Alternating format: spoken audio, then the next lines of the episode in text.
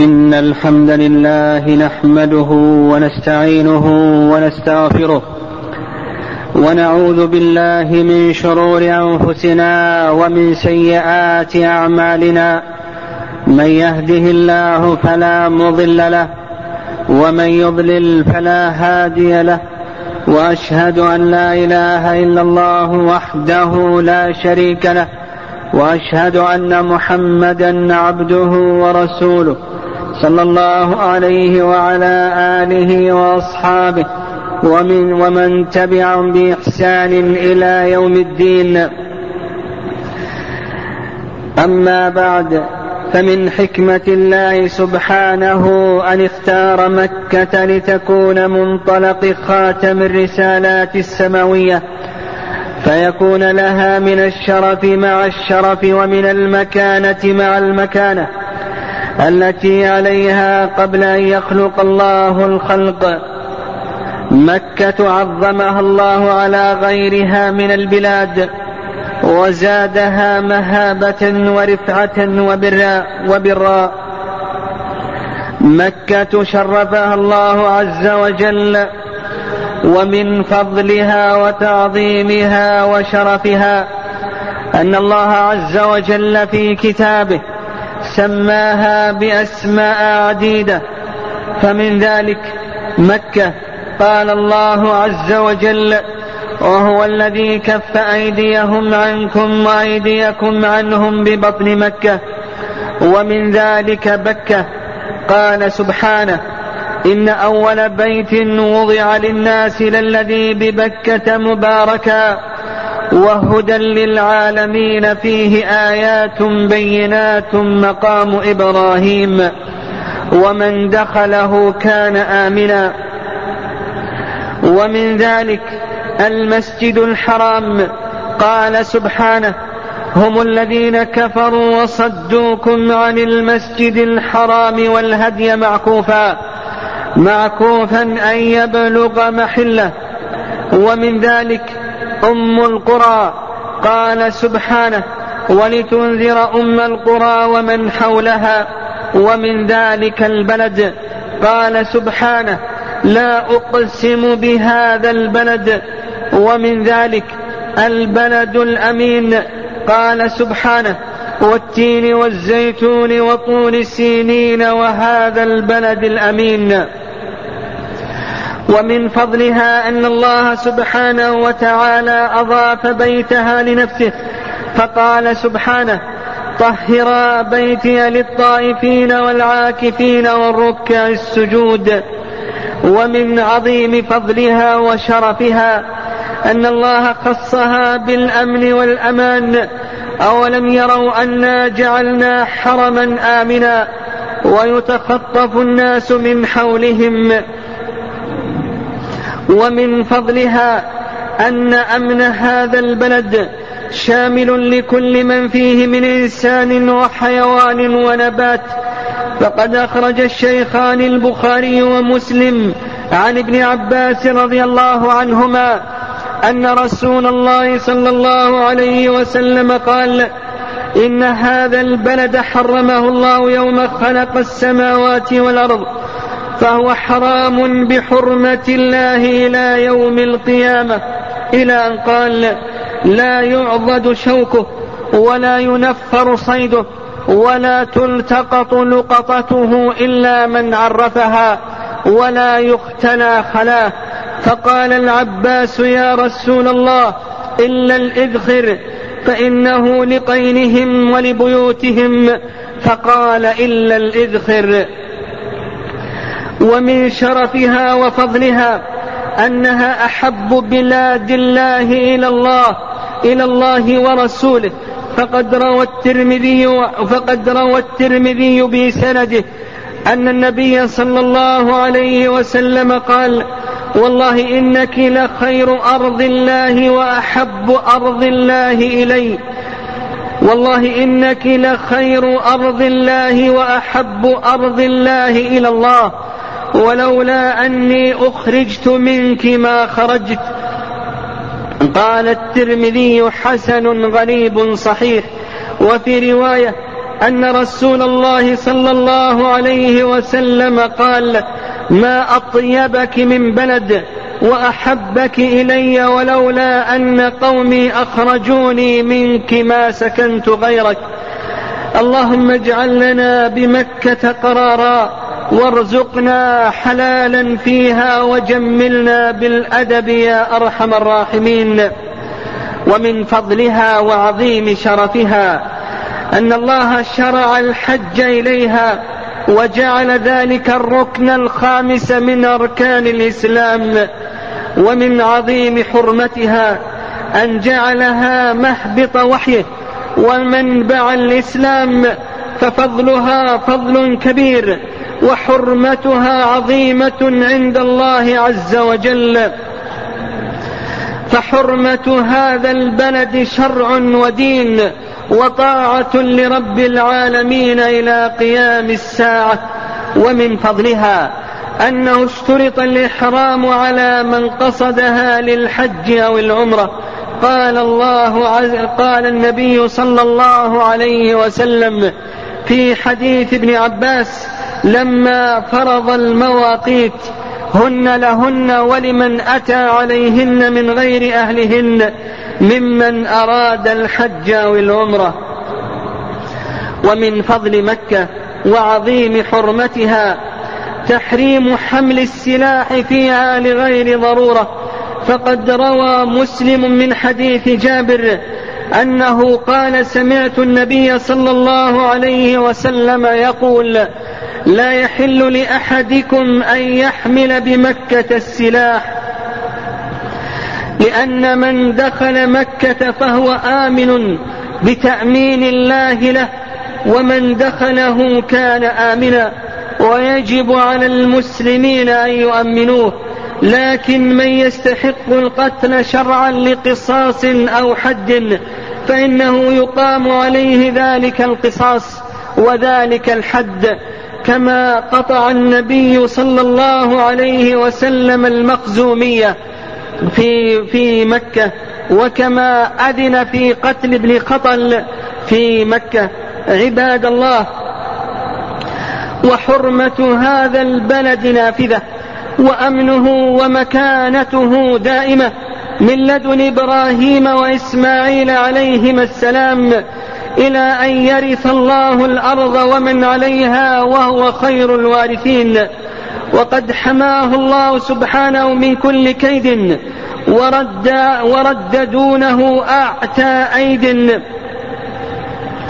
غزوه بأضخم حيوان فأبادهم الله بحجارة من سجيل. ألم تر كيف فعل ربك بأصحاب الفيل؟ وهذا البلد الآمن بحمد الله لم يعل فيه صوت على صوت الحق ولم تعل فيه راية غير راية التوحيد منذ بعث محمد صلى الله عليه وسلم ولم يدن فيه بدين غير الإسلام ولم يرتفع فيه شعار يناهض يناهض التوحيد. هذا الأمن الذي امتد مداه وعم أثره خاص بهذا البلد الحرام من سوى من سوى الأرض أجمع سابق لكل المحاولات البشرية في إيجاد منطقة حرام يعم فيها الأمن والسلام ويلقى فيها السلاح ويأمن فيها المتخاصمون. وتحقن الدماء ويلوذ فيها كل ملهوف ويؤمن فيها كل خائف. تتساقط تتساقط الشعارات وتتهاوى الحضارات وتبقى مكة. وتبقى مكة عبر التاريخ محفوظة بحفظ الله رمزا للتوحيد وموئلا للعقيدة.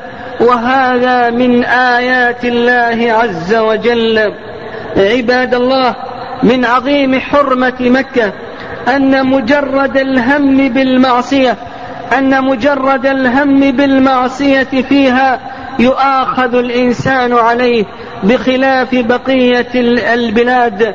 فإن من هم بمعصية لا يؤاخذ عليها حتى يفعلها.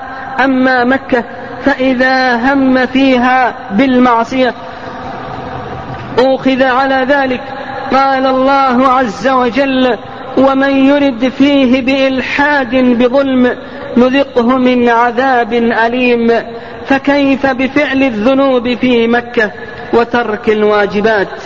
عباد الله تأسوا بمنهج السلف الكرام في تعظيم هذا البلد الحرام. يقول عبد الله بن عمرو رضي الله عنهما كنا نعد لا والله وبلا والله إلحادا في الحرم. وقال بعض السلف إن احتكار الطعام وظلم الخادم إلحاد في الحرم. ألا ما أروع هذا الأدب مع بلد الله الحرام؟ كم يستهويك موطر هذه البقاع العظام؟ تالله إن ذلك لعنوان الصلاح والفلاح. وميسم التقوى ومن يعظم حرمات الله فهو خير له عند ربه. عباد الله ومن فضل هذا البلد أن الله عز وجل ضاعف لهم فيه الصلوات فالصلاة في الحرم تعدل في تعدل مئة ألف صلاة فيما سواه. تعدل في تعدل مئة ألف فيما سواه فقد أخرج مسلم عن أبي هريرة رضي الله عنه أن النبي صلى الله عليه وسلم قال صلاة في مسجدي هذا خير من ألف صلاة في غيره من المساجد إلا المسجد الحرام. وأما السيئات فإنها تعظم في هذا البلد الأمين. يقول ابن مسعود رضي الله تعالى عنه لو أن رجلا هم أن يقتل مؤمنا عند البيت وهو بعدن أذاقه الله في الدنيا من عذاب أليم. بل ذهب بعض السلف إلى أن السيئات تضاعف في هذا البلد. قال مجاهد رحمه الله تعالى تضاعف السيئات بمكة كما تضاعف الحسنات. اللهم اجعلنا ممن يعظم بلدك وحرماتك وشعائرك ويتقي الله في ذلك.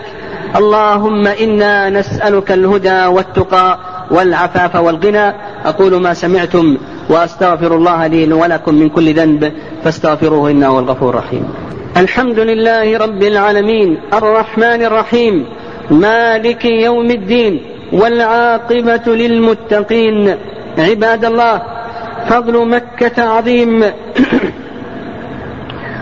وحرمتها عظيمة ولهذا يشرع للمسلم أن يعي ذلك دائما إذا قدم هذه البقاع المقدسة. فعليه أن يتذكر دائما حرمة هذه البقاع وأن يعظمها وأن تكون أعماله فيها موافقة لأمر الله وشرعه وأن يحسن العمل لأن الأجر مضاعف فيها وأن وأن يشعر أهله وأبناءه ويربيهم على مكانة هذا البلد وعظيم حرمته. وما ينبغي أن يكونوا عليه. العرب في جاهليتهم كانوا للبيت معظمين. أليس من الجدير بأهل الإسلام أن يكونوا أحق بذلك منهم؟ فإن الله سائل أهل هذه البلاد عما من به عليهم من مجاورتهم لبيته. وما أغدق عليهم من نعم الأمن والأنام والأمان والخير والطعام. عباد الله ومما ينبغي على أهل هذه البلاد تجاه إخوانهم الوافدين إليهم من بلاد أخرى حسن الوفادة وإكرامهم ومساعدتهم وبذل الإحسان لهم وتعليمهم ما يحتاجون إليه من أمور الشريعة التي يجهلون أحكامها. كما ينبغي لهم تخفيف المؤونة عليهم بمد يد العون لمحتاجهم وإطعام جائعهم والإحسان إليهم.